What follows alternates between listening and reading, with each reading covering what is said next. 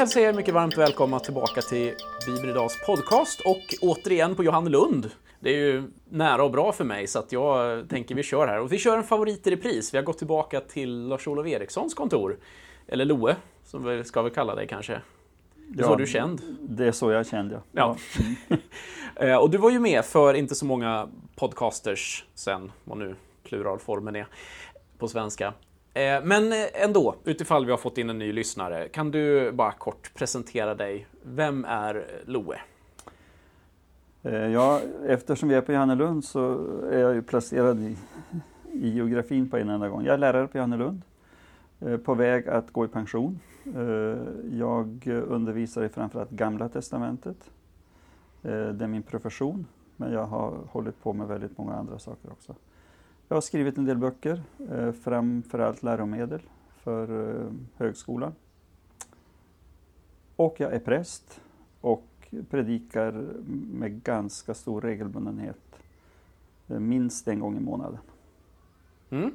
Det är väl kort. Och jag tänkte så här i inledningen då, ni som vill veta mer om Loe och hans gärning här på Johannelund och din historia så pratar vi om det i i förra avsnittet, så det är bara att hoppa tillbaka i arkivet och lyssna mm. mer. Men eh, jag tänkte vi tar något steg till och lära känna dig. Vad ser du fram emot mest den här sommaren? Ja, den här so sommaren kommer att vara ganska splittrad. Um, vi kommer att ha en hel del gäster. Uh, jag ser fram emot att vara på, på läger på Åkergården Eh, som är nu en tradition i vår familj. Det blir åttonde gången, åttonde sommaren i rad. Och där hittar man dig i kiosken? Ja, man hittar mig i kiosken. Jag brukar sköta ekonomin. ekonomin och något bibelstudium eh, och något seminarium. Eh, så det, ja, och sen kommer jag, som sagt, vi kommer att ha mycket gäster. Vi kommer att vara i vår stuga i Hälsingland en del och så. Mm. Så att det är det som ligger närmast. Är du sån som ehm, kopplar av genom att läsa? Eller läser du så pass mycket under terminerna att du lägger ner böckerna under sommaren? Nej, jag läser ganska mycket på somrarna och jag läser andra saker än teologi. Eh, eh, det brukar vara någon skönlitterär bok. Jag brukar försöka läsa någon bok som ligger så långt ifrån det jag håller på med som möjligt. Eh, så att jag har läst om kvastfeningar. Jag har läst om noshörningar.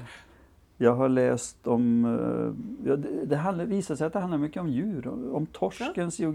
biografi har jag läst. Sådana där böcker har jag läst som liksom inte alls har med mitt eh, vanliga arbete att göra. Så läsningen är också en avkoppling helt enkelt? Oh ja, det är det. Ja. det, är det. Ja. Mm. Vi eh, tänkte prata lite grann idag om eh, predikan.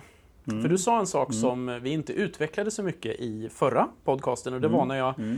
pratade med dig om balansen för hjärtats tro så att säga när man ja. är på akademin och studerar Bibeln i, ja, på molekylnivå i stort sett. Hur håller man den personliga tron levande och så vidare. Och då nämnde du att ett beslut som du tog tidigt och som var viktigt för dig var att du skulle fortsätta predika.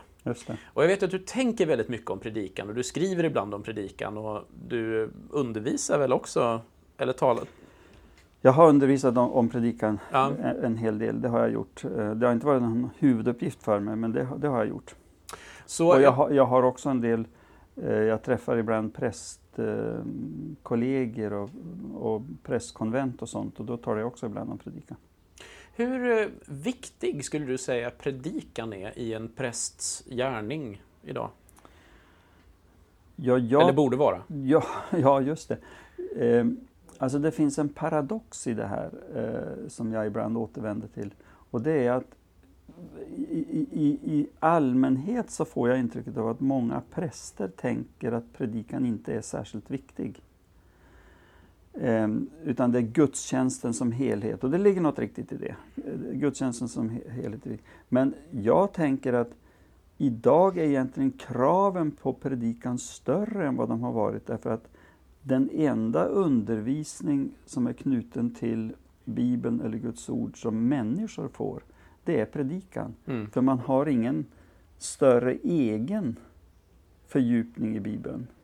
Utan den gång man hör Bibeln läsas och utläggas, det är i gudstjänsten. Mm. Um, färre och färre är regelbundna bibelläsare som man har morgonbön och aftonbön och så. Det är min bild i alla fall. Mm. Jag tror att den, den stämmer nog ganska bra den bilden så att det är, det är viktigt, det kan jag ja. hålla med om. Och det är lite intressant för att jag har reagerat över det ibland att när man jag vet inte om du brukar läsa dem, men i spalter när man har läst en intervju, en så djuplodande intervju ja. om någonting, så kan de ha så här fem snabba frågor eller någonting. Och ibland kommer frågan upp, vad skulle du ha gjort om du inte hade varit det du är just nu då? Det kan vara sportstjärnor och annat. Och på senare tid, de senaste fem åren kanske, har jag reagerat att en hel del svarar präst. Ja, ja. Och så får de frågan, varför då? Och då svarar de ofta, jo, för jag tycker om människor och jag tycker om att stå inför människor och tala. Mm. Och så tänker de då antagligen på predikan. Det är väl den bilden de har, misstänker jag. Ehm, jag vet inte riktigt vad de har för... Eh, så att för människor i allmänhet så tror jag att den, den predikande prästen ändå är en ganska dominerande bild. Ja, det tror jag. Men jag, jag tror nog att, att många som svarar sådär tänker nog mer på helheten. Alltså det här att man, att man agerar inför en grupp människor. Alltså, Tänker bredare. Likheten mellan prästen och skådespelaren är ah. ganska påtaglig. Så hela gudstjänsten återigen? Ja, jag tror det. Ja, ja. Jag, jag, alltså jag vet inte, men jag, jag tror nog faktiskt ja. det. Eh, och där ingår då predikan. Men att stå inför folk och undervisa, om man använder predikan i den meningen, mm. det är nog inte lika många som skulle säga det. För att du har också svaret, man vill jobba med människor. Ja. Eh, så att det är den sociala sidan av prästuppgiften mm. väldigt mycket man tänker på. Om du själv skulle tänka predikan i, i eh, frikyrkan du startar när du blir pensionär eller sådär. Eh, den lutherska frikyrkan i, med biskop Loe. Nej, men skämt åsido. Ja, jag har inga sådana ambitioner. Försöka lägga orden i munnen ja, på det här. Ja. Nej, men eh, hur stor del skulle du säga att en predikan i minuter av en timmes gudstjänst. Hur stor del ska en predikan ha, tycker du? Ja, alltså jag, jag tänker mig att det viktigaste med en predikan det är att den är genomtänkt eh, och att den har ett tydligt syfte. Längden är inte det avgörande, men eh, det finns en risk idag, om det är som jag tror, nämligen att predikan blir viktigare och viktigare, så får den inte vara för kort. Mm. Um, därför att det här är liksom det, det ord, den, den undervisning ur Bibeln som människor ska leva på den kommande veckan eller längre om man inte går regelbundet i, i, i gudstjänst. Så jag skulle säga att ett ideal för mig är mellan en kvart och 20 minuter i en timmes gudstjänst. Mm. Och det stämmer ju ganska väl med alltså, teorier om hur länge man kan lyssna ja, och så vidare. Ja, det är ju ja. väl mm. beprövat. Mm. Mm. Du har ju jobbat en hel del med, med kyrkoårets texter. Du har varit med och, och skrivit om det och jobbat med sådär. Ehm, och kyrkoåret, för nu vet jag inte hur många av våra lyssnare som står utanför kyrkoårets tradition, men eh, det, innebär ju att du har tre stycken bibel, eller fyra stycken bibeltexter varje söndag och så har du ja. ett tema. Ja. Eh, och det finns ju nästan alltid, eller kanske ska vara till och med, en koppling mellan texterna och predikan. Hur ser du på det förhållandet? Eh, ja, alltså jag, jag ska säga så här, när vi jobbade med evangelieboken så ville vi komma bort ifrån tematiseringen. Eh, lite grann. Och vi hade till och med i vårt ursprungsförslag plockat bort rubrikerna för söndagarna. Okej. Okay. och det, så har den danska kyrkan. Det finns andra kyrkor som har det. Eh, och vi, vår utgångspunkt var nämligen den här att jag predikar inte över ett tema utan jag predikar över en text. Alltså predikan som textutläggning och textbearbetning. Nu gick inte remissinstanserna på det och inte kyrkomötet heller. Men det intressanta var att jag tror att det var det var ungefär hälften av remissinstanserna som ändå tyckte att det var ett bra förslag. Mm -hmm. Men traditionen i Svenska kyrkan framförallt, den är så massiv att man ska ha ett tema. Mm. Eh, och jag menar, tittar vi på äldre evangelieböcker så var det till och med så i 42 års evangeliebok att varje text hade en rubrik. Jaha. Så man hade inte bara söndagen utan varje text hade en rubrik. Så att det där har, har förändrats med tiden och vi har nu kvar tematiseringen. Eh, och där finns det också möjligheten om man följer evangelieboken och eh, kyrkan, kyrkoordningen att man kan predika över alla, alla texter för en, en årgång. Eh, men i första hand är för mig predikan textutläggning. Och, och det finns naturligtvis texter där knytningen till temat är ganska vag. Eh, jag tänkte komma in på det. ja, av naturliga skäl. Ja. Därför att många av de temata som vi har, där kan det vara så att det är lätt att hitta sex texter som knyter an till det. Mm. Men sen ska vi fylla ut till tio. Ja. För det hör liksom till boken att det ska vara så. Eh, och jag väljer alltid att predika över texten, Mm. för egen del. Hur är din känsla? Det finns ju då en gammaltestamentlig, det finns en evangelietext, det finns en epistel, alltså brevtext och sen psaltarpsalm som är samma för alla tre Ja. årgångarna då, så att den är alltid samma. Hur ofta predikar du över dem, dem i, i alla och hur ofta använder du dig av en? Och när du använder dig av en, är det oftast evangelietexten eller hur ser det ut när du själv förbereder dig? Alltså tittar jag på mina eh, predikoutkast så har jag nog predikat, jo jag har nog predikat mest över evangelierna. Men jag predikar över alla, Mm. olika. Alltså, oftast predikar jag över en text. Jag har hållit predikningar där jag har faktiskt kort utlagt var och en av dem. Mm. Det, det har jag varit med om. Men, men för det mesta väljer jag ut en. Och på senare år har jag oftast predikat över epistlarna. Mhm. Eh, och det är bara ett val jag har gjort. Um, därför att jag tänker att evangelietexterna är de mest kända. Och rimligen har människor som regelbundet går i kyrkan hört utläggningar av evangelietexterna. Men epistlarna och de gammaltestamentliga texterna har man inte hört. Och då har jag tyckt att då ska väl jag försöka att predika över dem. Du väljer epistlarna och inte GT då? Ja, ja jag din- predikar över GT också. Ja. Visst gör jag det. Så att, men, men om jag tittar tillbaka på de senaste två åren tror jag att det är me- mer epistlar. Mm. Och jag är, nog, jag är nog fascinerad av direktheten i epistlarna. Eh, därför att de är liksom skrivna in i konkreta situationer och jag står som predikant inför en konkret situation med människor av kött och blod. Och det, det finns en direkthet i, i epistlarna som tilltalar mig. Och skrevs antagligen för att läsas upp just Ja, ja, ja. inför. Alltså, Ja, visst. Ja, visst. så det är ja. verkligen en direkthet där. Ja, ja. Textutläggande predikan säger du. Mm. Vad, vad lägger du i de orden? Ja, i, de, I de orden lägger jag, eh, dels lägger jag en, bakom det ligger en tilltro att bibelordet har ett tilltal till oss idag. Alltså det, det är min, min övertygelse och det är, min, det är min, min tro. Det är en anledning till att jag också predikar. Hade jag inte den tron skulle jag nog inte kunna predika särskilt mycket. Men jag tror alltså att texterna har en aktualitet. De är för mig det levande ordet. De, de är ordet som, som angår, ibland på ett tydligt sätt, ibland på ett indirekt sätt. Eh, så det, det är en bakgrund. Och, när jag då, och, det, och det gör att texten för mig är väldigt avgörande. Och så tänker jag, jag står i en luthersk tradition, jag står i en tradition där vi, har, där vi har hyllat ordet, där vi har bekänt oss till ordet. Och när jag då ska utlägga ordet, då ska jag ha ett, ja, ska jag säga, ett rejält arbete med texten, en brottning med texten, innan jag formar en predikan. Och det är för mig textutläggande. Så att lyssnaren, när han eller hon går ifrån kyrkan, ska ha lärt sig någonting mer om det som står i, i bibelordet. Det är min ambition. Så textutläggning behöver inte, det, det är alltså inte en exegetisk föreläsning. Som ju kan vara risken för mig som jobbar som Mm. Utan textutläggning det är för mig en aktualisering av ordet utifrån en tilltro till ordet. Hur ofta får man höra från dig?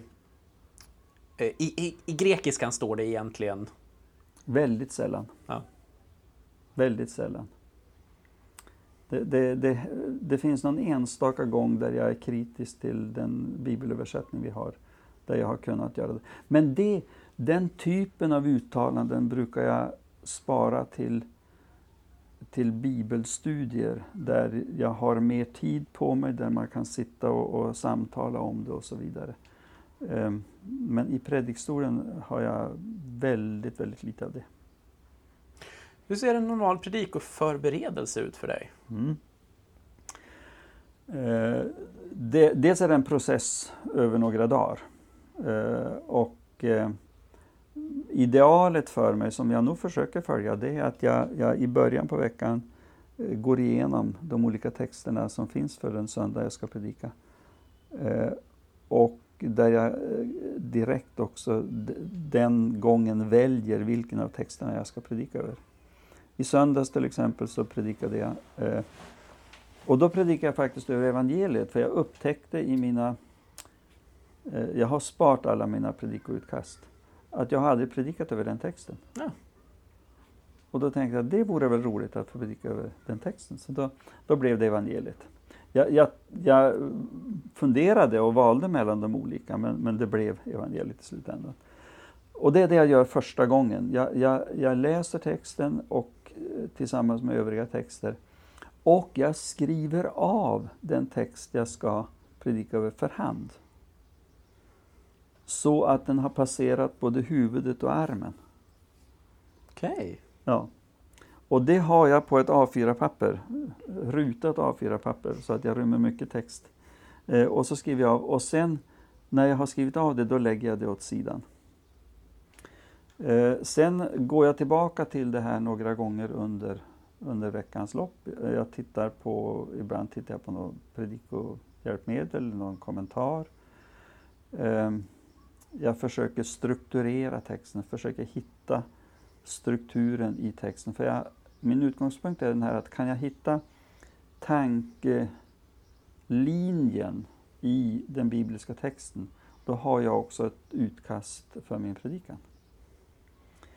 Ehm, och det gör ju också att tematiseringen inte blir så viktig för mig. Därför att tematiseringen tar ju oftast fasta på någon enskildhet. Ehm, men, för mig är, det ett ideal att predika över hela texten. Ja, när jag då har hittat en eller flera strukturer då, då börjar jag forma det hela med hjälp av några stolpar. Och sen på fredag eller lördag då försöker jag forma en predikan och då, då skriver jag ut ganska mycket av predikan. Mm. Jag, jag, har hållit predikningar där jag bara haft stolpar också men, men jag brukar oftast ha en ganska väl utskriven predikan.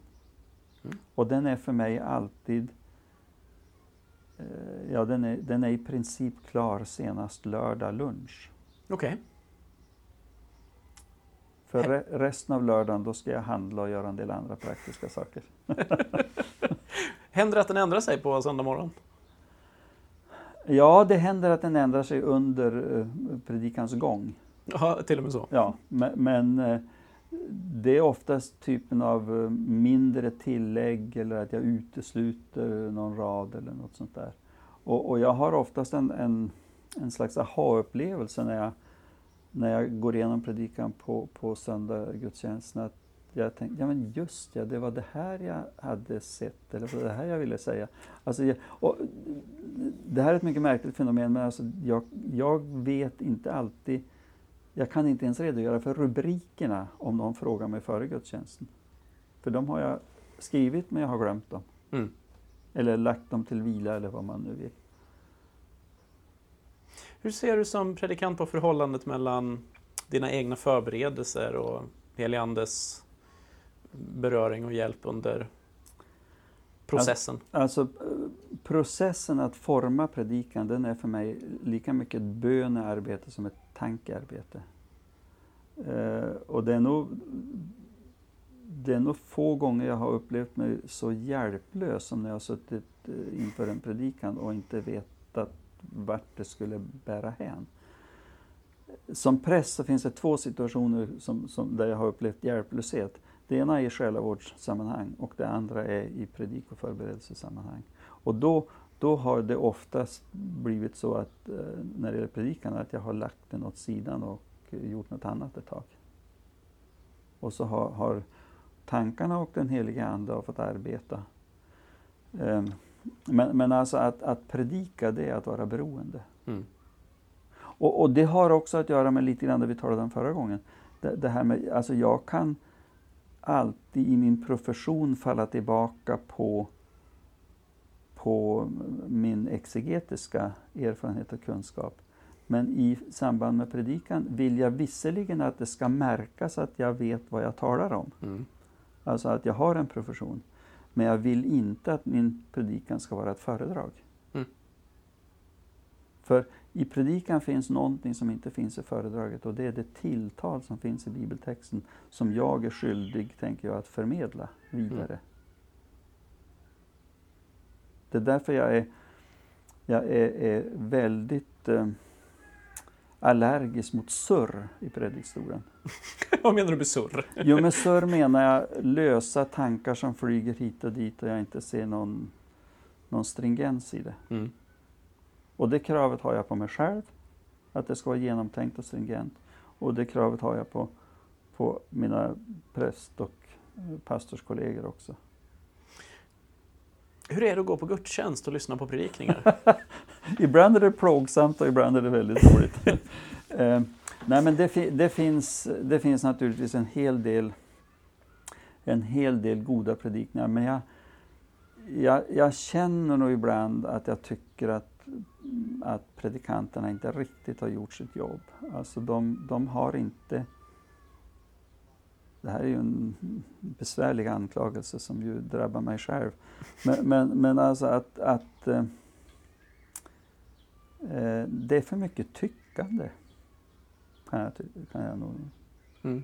tycka ibland. Nu tycker jag själv. Eh, men, men det är för mycket tyckande. Och det, det, jag menar, det, du hänvisade till en artikel jag hade skrivit och, och där har jag några trender som jag, jag, jag kan känna mig sorgsen över. Ja. Därför att jag tycker inte riktigt att de tar förkunnelsen på allvar. Vill du nämna de trenderna? Kommer du ihåg dem? Ja, någon av dem kommer jag ihåg i alla fall. jag hjälper till att påminna dig. Ja, du får, du får hjälpa mig. Alltså en trend som, som jag som jag sörjer mycket över, det är den här relativiseringen av bibelordet. Mm. Alltså att man uppfattar inte bibelordet som Guds tilltal, mm. utan man uppfattar det som ett mänskligt uttryck för någonting som kan ersättas med någonting annat. Mm. Uh, och det, det, tycker jag finns ett svek i det, för att uh, uh, som luthersk präst så tror jag ju faktiskt på Bibelns inspiration. Jag tror att, att det, detta är Guds ord. Det, det, det och, och i, i tron att det är ett Guds ord så ligger också tron att det finns ett tilltal. Mm. Eh, så det, det, är nog eh, en sak som jag, som jag sörjer mycket över. En, en annan sak som, som jag på senare år har, har stört mig på det är det är att jag tycker inte att evangeliet får komma fram som ett evangelium, utan evangelium har liksom blivit ett slags samlingsbeteckning på det som är roligt och glatt och trevligt i största allmänhet. Det glatta budskapet? Ja, det glatta budskapet. det, här, det här kan ju uppfattas fel, men, men och, och, jag, menar, jag menar allra värst blir det när man säger att evangeliets kärna är att du ska älska din nästa som dig själv. Eh, det är sant att vi ska älska vår nästa som oss själva, men, men det är inte evangelium, det är ju ett lagbud. Det är ju ett påbud. Mm. Det är en utmaning, en uppmaning.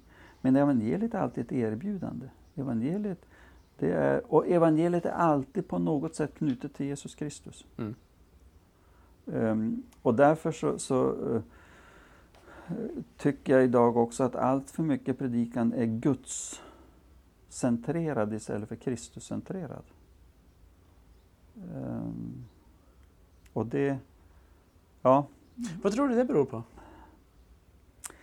Jag tror att det finns flera uh, orsaker till det.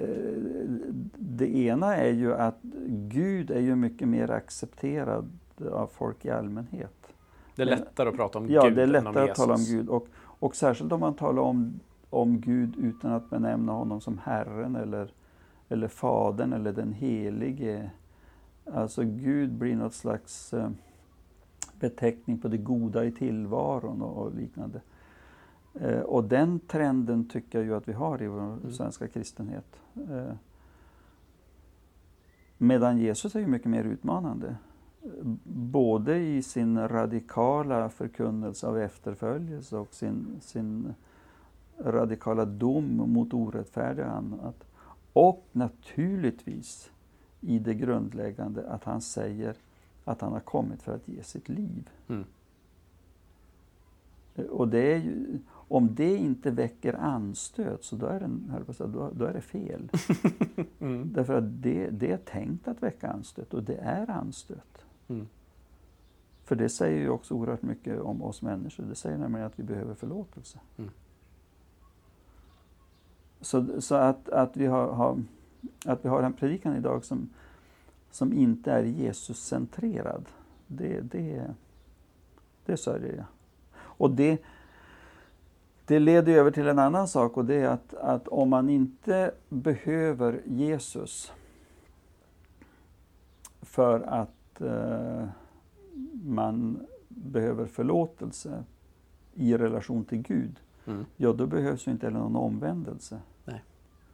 Eh, och, och, utifrån den tradition jag kommer ifrån så, så saknar jag ju omvändelseförkunnelsen mm. väldigt mycket idag.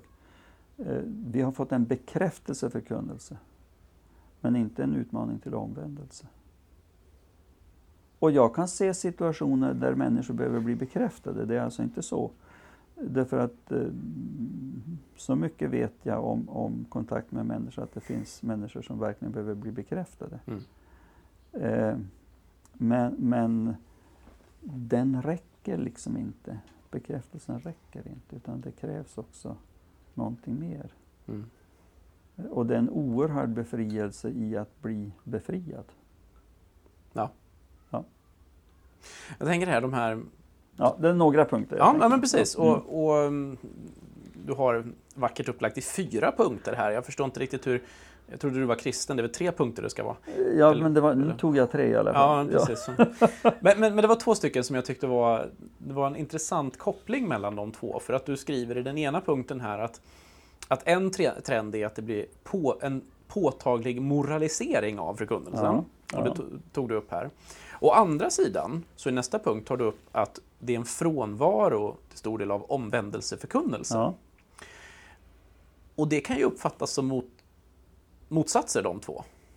Men hur, hur, hur vill du bara förklara hur du skiljer på eh, alltså en moralisering och en omvändelse? För, för mm, vad, mm, du, mm. Förstår du vad jag far efter? Jo, ja, ja, jag, jag får se om jag förstår vad du ja. far efter. Eh, alltså omvändelseförkunnelsen, den säger ju att du behöver börja ett nytt liv. Mm. Eh, och anledningen till att du behöver börja ett nytt liv, det är att du lever i skuld i förhållande till Fadern. Mm. Du har gjort en massa saker mot andra och det är så denna skuld yttrar sig. Eh, och du behöver be om förlåtelse och du behöver börja ett nytt liv och det är omvändelsen. Och efter omvändelsen så följer naturligtvis att du också är kallad att leva ett heligt liv. Eh, men hur detta heliga liv ska se ut, det kan man återkomma till. Men idag tycker jag att väldigt mycket förkunnelse säger att du är redan kristen, ungefär du föds som kristen, eller det räcker med att du är döpt. Och sen säger man att du ska göra så och så, du ska tänka så och så, du ska, du ska ha de och de åsikterna. Och där har ju, har ju förkunnelsen idag blivit väldigt mycket åsiktsstyrd. Man ska tänka rätt om invandring, man ska tänka rätt om, om människors sexuella läggning, man ska tänka rätt om det ena och tänka Miljö. rätt om det andra. Miljö, ja det är den stora synden idag. Och det blir moraliserande. Det, det är så intressant att du, ja. att du säger så, för att jag tror, det är li, li, lite så här med, med risk att sätta foten på fel ställe, men det känns som att man idag aktar sig för att predika omvändelse, för man är rädd för att trampa in på människors privata sfär. Man är rädd för att peka finger och säga du gör fel. Man ja. är rädd för att vara moraliserande. Ja. Och genom att akta sig för det så blir man moraliserande. Ja, ja. Jo, men jag, jag tror att, att du pekar med något alldeles riktigt. Alltså, vi ska komma ihåg att, att eh, går vi tillbaka ett antal år, och vi får gå ganska många år tillbaka, så fanns det så kallade syndakataloger. Mm. Sen har man gjort uppror mot dessa syndakataloger. Men det man inte inser, det är att vi har infört nya syndakataloger. Ehm, och dit hör inte minst miljöfrågor. Mm. Alltså den största synden idag, det är att inte sortera sina sopor rätt. Mm. Om jag ironiserar lite grann. Eh, och det tas dessutom som uttryck för en god kristendom. Mm. Och jag, på säga, jag är inte säker på att det har så mycket med kristendom att göra. Jag tror att det har med alla människors skyldighet att ta vara på vår planet. Mm. Och det är inte särskilt kristet. Eh, Men till det unikt kristna hör att vi ska leva i förlåtelse. Till det unikt kristna hör att vi ska värna om de svaga. Och det kan i och för sig vara allmänmänskligt Mm. också. Eh, Och sådana saker. Mm. Till det unikt kristna hör att vi ska ha ett rent leverne. Ett ärligt leverne. Och samma sak, mycket av de, de kristna dygderna, de skulle samhället i stort må väl av att också ha. Ja. Så det är klart att de går in i varandra. Mm. Men, men att vi idag skulle, eh, skulle vara utan syndakatalog, det är ju nonsens. Ja. Det är klart vi har en syndakatalog, men vi kallar den inte så. Ja, det är intressant. Och då jag, blir det moraliserande. Ja. För, för- för, jag, jag, pratar en del med... Jag tycker det är väldigt intressant att se var står ungdomar idag Mm. utifrån Mm. den kontext de har växt, vuxit upp i och så vidare. Och en ganska vanlig sak jag möter tycker jag är just att man... Nej, men på frågan, vad, är det, vad, vad gör det för skillnad att vara kristen? Ja. ja. Vad, vad, vad är skillnaden på kristna och inte kristna, Mm. eller borde vara? Mm. Och, eh, det svar som man först säger, ja men det, man har en trygghet. ja. Det finns någon att be Ja. till, det finns en, eh, någon som alltid lyssnar på Mm. mig eh, och så vidare. Ja, ja men det är okej. En Bra utgångspunkt, så relation liksom, det kan jag, kan jag tycka är bra. Finns det någon mer skillnad? Nej. Annars kan man vara precis som man är. Kom som du är, gå som du är. Liksom. ja, ja. Så. Mm. Mm. Ehm, och ändå när man börjar gräva lite, då kommer just det här som du belyser, till exempel miljön. Ja, men Mm. Som god kristen ska jag ju absolut ta hand om. Eller jag ska... ehm, och då blir listorna ganska långa Ja. på vad man ska göra. Mm. Men om Gud inte... här, vi hade en diskussion ganska nyligen eh, där jag frågade rakt ut, vad, vad tror ni att Gud bryr sig om för delar av era liv? Mm. Tar relationer, plånboken, eh, vilka vänner du har eh, och så vidare. Finns det några av de här delarna som Gud säger, ah, det struntar jag i? Och det var ganska många delar som det spontana svaret var, nej men det bryr sig Gud absolut inte om. Okej. Egentligen. Ja. Och det var väldigt intressant. Sen när man pratade om det så insåg de ju att det var kanske inte det de egentligen tänkte och tyckte. Nej, nej. Men den spontana reaktionen från dem ja. var att nej, men sånt blandar sig inte Gud i. Det, det är privatreligiositeten. Ja. Ja. Mm. Och, och där blir ju då men, moraliseringen ganska Mm. snart Mm. därtill. För om Gud inte bryr sig kommer han heller inte hjälpa dig. Nej. Nej. Och då måste jag bära allt det här själv. Ja, ja. Det är ju konsekvensen. Mm. Så. Du pratar om att du ser en minskad tilltro till bibelordet, eh, att man nedvärderar Bibelns auktoritet och så vidare. Eh, Hur vänder man den trenden? Om vi framförallt nu tänker Mm. predikan här och, och vi har en, ett par predikanter som sitter och lyssnar så tänker man, ja fast jag vill inte vara en del av den trenden. Jag vill i mitt värv, i mitt sammanhang försöka vända den trenden. Ja. Eh, ja, alltså jag tänker så här, det, fin- det finns en grundläggande, ett grundläggande förhållande, det är att min bibelsyn avslöjas i mitt bibelbruk. Ja.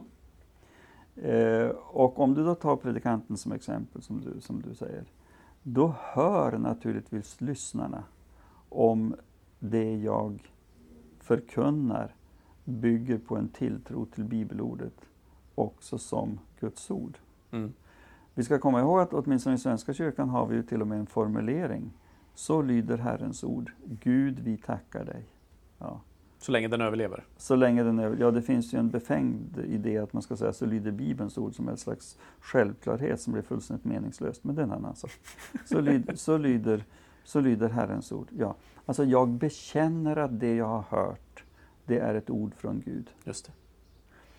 Eh, och om jag då sen i predikstolen utlägger den texten och säger Ja, vi vet inte säkert om det här har hänt och det, det kanske är en legend. Eh, ja, då har man ju tagit bort den tilltron mm. på en enda gång. Och om jag då ska, ska utlägga det och ge något slags uppbyggelse eller undervisning eller vad som helst utifrån den utgångspunkten. Ja, då har jag ju dragit undan mattan för mig själv. Alltså, tror jag inte själv att detta är Guds ord, då är det ju frågan om jag ska göra något annat. Mm. För det är min uppgift som verbi divini minister. Det vill säga? det gudomliga ordets tjänare. Mm. Att utlägga Bibelns ord, mm. Guds ord, Herrens ord. Um, och tror jag inte att det är Herrens ord, ja då, då är det frågan om det är det jag ska göra. Och det blir ju ganska enkelt ska jag inte säga, men det blir ett, ett ganska tydligt beslut om vi tänker sig en, en relation till Bibeln som helhet och man tänker att nej, men jag har ändå gått ifrån att tro att det här är Herrens ord, det här är människors ord som man till stort inte kan lita på egentligen och så vidare. Men om man ligger någonstans mittemellan där, om man eh, kommer fram till en, en predikotext som man känner, åh, den här hade vi eh, eh, stora diskussioner om på, på eh, högskolan när, när, man gick här. Och, eh, vem skrev texten och hur är den historiska situationen? Och man, jag menar, vissa texter är, ja, ja. är, är snårigare ja, rent Så här, akademiskt. Ehm, hur gör man då som predikant? Om man har den där känslan av att oh, jag vet inte hur jag ska hantera den här texten. Okej, vi har fler texter att välja på, mm. så man kan såklart mm. gå till en annan mm. text. Men om man ändå om man bär med sig en sån osäkerhet in i sina förberedelser och inte vill hålla en kvarts akademiska utläggningar om textkritik i predikstolen, hur kan man hantera det? det? Det bästa rådet jag skulle ge i en sån situation, det är ju att man går till fäderna. Alltså vi har, vi har 2000 år av företrädare och se hur de har hanterat texten. Därför att idag finns det en övertro på det aktuella forskningsläget. Att vi på något sätt har en, en större eller bättre sanning än vad generationerna före oss har haft. Så att mitt bästa råd i det sammanhanget det skulle vara att, att jag går till fäderna. Och tycker jag inte att de ger ett tillfredsställande svar, då skulle jag nog välja en annan text. Mm. Eh, men det där är svårt för oss idag därför att vi tror ju att den tanke vi själv har tänkt den är ju alltid värdefullare än den tanke som andra har tänkt. Eh, ja, kanske inte alltid, men oftast i alla fall. Ofta är den väldigt mycket värd i alla fall. Ja, oftast är den väldigt mycket värd. Och det där är, det där är ju ett slags modernt vetenskapligt högmod mm. Som, som jag ju har stött på väldigt mycket inom akademin. Eh, men vi, vi ska ju veta att hittills, hittills ska jag säga, har alla vetenskap, så kallade vetenskapliga förklaringar eh, också blivit ifrågasatta. Mm. Och det hör till akademins karaktär. Mm. Därför att det är försök. Medan traditionen, den, den är inte utsatt för samma... Den, den tror nämligen inte på nymodigheter. och den är inte utsatt för samma slitning mm. som det moderna. För det, där tycker jag det här högmodet som du nämner där är det, det, känner jag också av mm. tycker jag, när man, när man mm. pratar med människor ibland. För att, eller predikanter eller så. Um, att man inte vill lyssna på. Och ibland tycker jag det känns som att det finns en sammanblandning. Viss forskning och viss, eh, vissa um, områden så att säga kan man väl tala om har en ständigt stigande kurva av förståelse ja. även om teorier ja. prövas. Mm. Eh, men på ett område där, när vi pratar teologi, så är det så mycket mer av okej, okay, det finns ren forskning, det vill säga vi kanske hittar nya textfragment som mm. hjälper oss att mm. komma till en ursprungligare text. Det är klart, det är ett framstegsprojekt så. Men när det gäller teologiska tolkningar då är det, då är det ännu mer så, tror jag personligen, att, att det som har varit före oss i då 2000 år av texttradition faktiskt kan vara av ganska hög kvalitet. Ja, ja. ja, ja. Och, och i forskning, i, åtminstone samhällsvetenskaplig forskning, finns alltid ett mått av mode. Mm. Eh, Och, och inom den teologiska forskningen idag så är det väldigt påtagligt att, att den är modestyrd. Och den är ideologiskt styrd. Eh, och det, det finns fördelar med ideologiska läsningar. Därför att då måste man, eller då borde man i alla fall, tvingas uttrycka vilken ideologisk utgångspunkt man har. Ja, just det. Och så kan man pröva om tolkningen är rimlig i förhållande till den utgångspunkten. Men det betyder också att väljer jag en annan utgångspunkt så kommer jag till en annan slutsats. Mm. Och då måste jag ha ett slags sanningsbegrepp som säger att flera sanningar är, är, är möjliga. Eh, Och det är ju postmoderniteten. Den, den, den lever ju så. Ja. Men, men eh, nu kommer jag inte att leva för att se det, men, men om hundra år, om världen står, så är det, jag är fullständigt övertygad om att väldigt mycket av det som idag anses vara förnämlig frontforskning, det kommer man inte att förstå överhuvudtaget hur vi, hur vi bar oss åt. Mm. Och de, den ödmjukheten tycker jag också att jag borde ha. Och, och det innebär för mig att i predikstolen så ska inte den senaste forskningen redovisas. Utan i predikstolen är traditionen viktigare. Mm. Därför att den står på en annan grund. Den är också, har också en ideologisk utgångspunkt. ja, absolut. Men, men den, står på, den står på en annan grund och den, den är baserad på kristna människors erfarenheter genom århundraden. Och det är ju det är nog intressant att notera i det sammanhanget att vi, vi faktiskt parallellt med en, en trend som de här jag har angett också har en trend som går tillbaka till kyrkofäder. Ja. Och det tror jag uttrycker en längtan efter att försöka förstå hur har, hur har tidigare generationers kristna förstått det här? Mm. Där kan jag möjligen ha den, den kritiska synpunkten att en, en eh, obskyr kyrkofader från 300-talet helt plötsligt värderas högre än en, en erfaren kristen från 1800-talet. Mm. Men det, det är en annan Det är sak. på något sätt pendeln svänger åt andra hållet lite Ja, väl hårt. det, det är ju så. Det är ju så. Ja. Precis. För, för, för jag menar, det finns eh, 1600-tals och 1800-tals författare som hjälper med att skåda djupen i Guds hemligheter lika väl som en del av, av kyrkofäderna på 300-talet. Mm. Så regeln är inte det senaste är det bästa, men regeln är heller inte det tidigaste är det bästa. Nej. Och, och där har jag ju också förvånat mig över att väldigt många som går tillbaka till kyrkofäderna inte går ända tillbaka till Nya Testamentet. Nej, det, det är faktiskt ganska Ja, intressant. det är också ett intressant Ja. fenomen. Och det har jag grunnat över en hel del vad det beror på. Och jag tror att en orsak är att man tycker sig kunna Nya Testamentet. Medan, Ja. medan de tidiga kyrkofäderna framstår som, som nya därför att man kan dem inte. Nej. Nej, men jag, har ju till exempel läst Apostoliska fäderna, den här samlings ja. eh, Med, Mm. med texter från ja, samtida med Nya Ja, Testamentet till stor del. precis. Ehm, Och det får ju en fräschör över sig, Ja, ja. märkligt nog. Mm. Mm, Det håller jag med om Ja. faktiskt. Mm.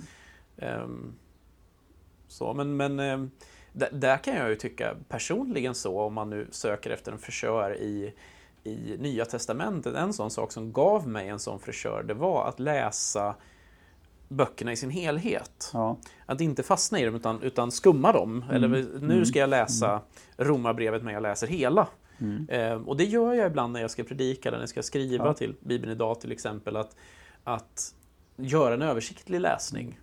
Just för att då, då får man en annan känsla för flödet. Man fastnar inte i de här detaljerna. Och det kan ge mig den fräschören lite grann. ja, ja. Och, och, och det är ju ett väldigt bra exempel att just läsa böckerna i sin helhet. Och tycker man att Romarbrevet är långt så kan man ju ta en kortare brev. Ja, jo, det Jag beror menar- på vad man ska ta, menar- tala över. Ja, men jag menar Filipperbrevet läser du på en halvtimme. ja, visst. Och, och, och du får en helt annan känsla om du läser hela det brevet än om du läser bara en perikop. Mm. Ett avsnitt som vi gör i gudstjänsten. Och en sak som jag inte har provat än. Det kan vara intressant att höra om du har provat den. Har du någon gång när du har gjort det fått för dig att läsa böckerna i sin helhet högt? Ja, det har jag gjort för egen del. Ja, precis. Ja, det har jag gjort för egen del. Eh, och, och, det ger också en ny, för då tar man in det i två vägar. Precis. Både genom ögonen och öronen. Oh ja, och, och där, där, har jag nog gjort det ännu mer när det gäller saltaren. Aha, ja ja. Därför att saltaren har också en rytm, saltaren har en, en, en, en, känsla i det poetiska. Mm.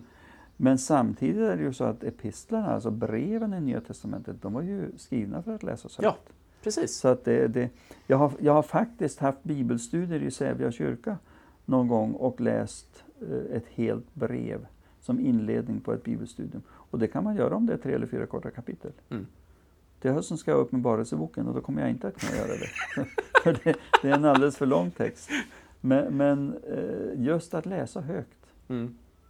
Ja, för det har jag tänkt på till, ja. till, till en annan gång när, när jag ska förbereda en predikan. Just att om det, om det är ett brev till exempel som jag ska predika över, ja. att, att ge mig på att läsa det högt också för att mm. testa mm. att eh, för jag menar som, som både du och jag, nu har du jobbat mycket längre än vad jag har, men jag jobbar ju med bibeltexter mm. i arbetet mm. och det gör att mm. det finns alltid en risk att man fastnar mm. i samma mm. hjulspår. Uh, och då letar jag lite grann. Jag byter ju översättningar också ja. lite grann när jag förbereder mig för att väcka någonting. Och det, det, är också en, ett bra råd att ge till eh, predikanter, att gärna läsa i flera översättningar. Och där har jag ju jobbat med, för Nya Testamentets del har jag ibland läst The Message. Ja. Som ju har ett, en helt annan infallsvinkel och som är en parafras i och för sig. Men som hjälper mig att se saker som jag inte har tänkt på förr. Och formulera sig på ett annat sätt. När jag skrev min lilla kommentar till Johannesevangeliet så ägnade jag en hel termin åt att läsa Johannesevangeliet varv på varv på varv i min morgonbön. Innan jag skrev ett enda ord mm. så läste jag det så att jag fick en känsla för helheten. Ja, helhet, det, det tror jag är någonting ja. som, där tror jag nyckel finns för ja, mycket förståelse som vi mm. saknar idag mm. för att vi blir mm. så snuttifierade i våra studier. Det...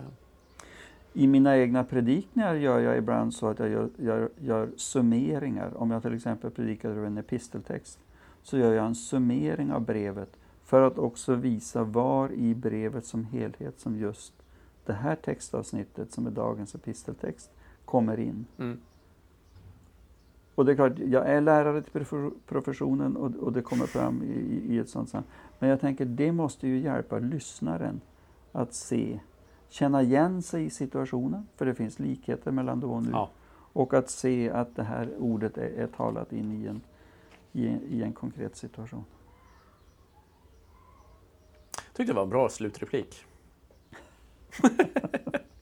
Ja, jag hoppas att du som, ja. som lyssnar har haft eh, både nöje av det du hört men kanske också utmanas till att, eh, om du är själv undervisar i något sammanhang, att, att eh, utmanas av det vi, har, det vi har pratat om och, och, finna vägar att, att lyfta bibelordet mer i, i predikan. Ehm, och med det så kommer vi att eh, stänga terminen nu för podcasten. Det här var sista innan sommaren. Kanske blir så att det blir några avsnitt här under sommaren också, men eh, jag vågar inte lova någonting än. Och sen så kommer vi vara tillbaka i höst igen med en termin av nya, både förhoppningsvis åt Eh, vad ska jag säga, gamla vänner som vi besöker igen. Eh, vi behöver fortfarande prata på Kryfer till exempel, så eh, jag återkommer nog. Och som vanligt, har ni tips på vem ni vill höra eller ett ämne ni vill att vi ska ta upp så är det bara att skicka ett mejl eller skriv till oss på Facebook.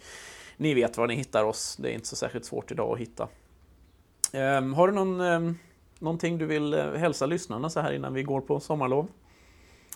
Jag skulle, jag skulle bara hälsa att när de nu går i kyrkan och lyssnar på predikningar, var uppmärksamma på just om det är en utläggning av bibelord eller om det är något annat. Mm. Den utmaningen vill jag gärna skicka vidare. Också till mig själv. Jopp. Mm. Ja, jag får förhoppningsvis höra dig predika i sommar så jag ska... du får vara särskilt uppmärksam då. Men då tackar vi dig för att du tog dig tiden. Tack ska du ha. Och så tackar vi er som har lyssnat och så eh, hörs vi igen efter sommaren.